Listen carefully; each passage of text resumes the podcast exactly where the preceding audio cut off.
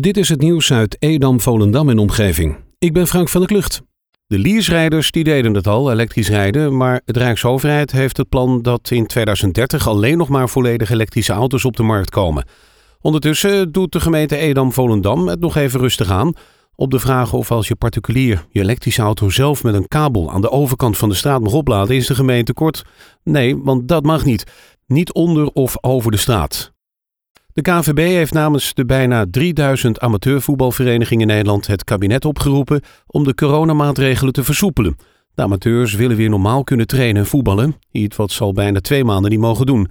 Om een oproep kracht bij te zetten voerde de KNVB maandag actie. Op het Malieveld in Den Haag werd met zo'n duizend shirts het woord stil gevormd.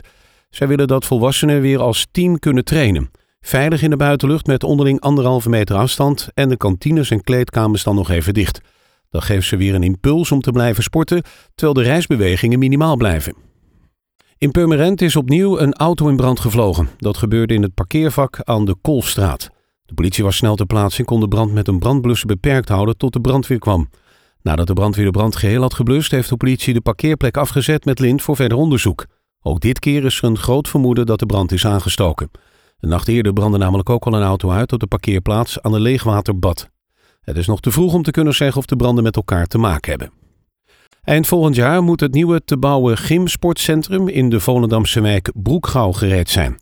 Hiermee komt de Nijde aan een lange weg van 12 jaar plannen maken, waarbij in de laatste fase de kosten fors opliepen, naar uiteindelijk 7,5 miljoen euro. Dat meldt de Stadskrant vandaag. Het ontwerp is uniek en duurzaam. In aanwezigheid van wethouder Vincent Tuyp en Albert Koning werd symbolisch de eerste paal geslagen door Joop Veerman, initiatiefnemer en vrijwilliger van turnvereniging Sint Mauritius. In werkelijkheid was het hij al een week eerder begonnen. Op donderdag 31 december worden er weer oliebollen verkocht voor de Grote Kerk Edam. In verband met corona zijn ze dit jaar alleen te bestellen via de website oliebollenactiegrotekerkedam.nl. De website komt 15 december in de lucht. Om het afhalen in goede banen te kunnen leiden, gebeurt dit op afbakkende tijdslots die je kan invullen op de website. Bezorgen kan tegen een kleine vergoeding. De opbrengst is voor restauratie van de toren. De platanen aan het Marken zullen gekapt worden om ruimte te maken voor de bouw van 80 nieuwe woningen. Een kapvergunning hiervoor is al 10 jaar geleden afgegeven. De bomen verkeren in slechte staat. De bomen zijn aan het eind van hun levenscyclus. De bomen aan de andere kant blijven wel staan. Die hebben nog een levensverwachting van 15 tot 20 jaar. Op het moment dat die ooit gekapt zullen worden, keert er een nieuwe dubbele bomenrij terug langs de Baandervesting. De Oude Wieringer Aak op de Scheepswerf in Edam is een leer- en werkproject waar leerlingen van scholengemeenschap De Triade worden klaargestoomd voor oude ambachten. Eigenaren Charlotte Verhaar en Victor Geerdes uit Amsterdam schonken de WR 167 aan de Stichting Historische Werf Edam, zodat het schip bewaard blijft voor de toekomst maar ook om het te gebruiken als onderhoudsproject voor een speciaal leerwerktraject op de scheepswerf. FC Volendam kruipt weer wat dichter naar de top 5 van de keukenkampioen-divisie na de 2-3 zege bij Excelsior. Aanvoerder Boy Deul was met twee treffers belangrijk voor de ploeg van Wim Jonk. In een mooie wedstrijd met kansen over en weer werd er voor de rust nog tweemaal gescoord.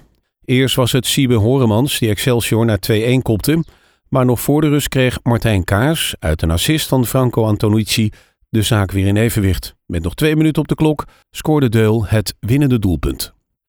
Het gemeentehuis van Landsmeer gaat met ingang van 1 januari smiddags dicht. Deze vermindering van de dienstverlening aan burgers is een van de bezuinigingsmaatregelen waartoe de gemeenteraad wegens geldgebrek heeft besloten. Met de middagsluiting bespaart de gemeente inzet van personeel aan de balie. Ook de vroege ochtendopenstelling op woensdag half acht tot 9 uur wordt geschrapt. Wel blijft het gemeentehuis telefonisch bereikbaar van 9 tot 4 en van vrijdag van 9 tot 12. Tot zover het nieuws uit Edam, Volendam en omgeving. Meer lokaal nieuws vindt u op de Love Kabelkrant, onze website of in de app.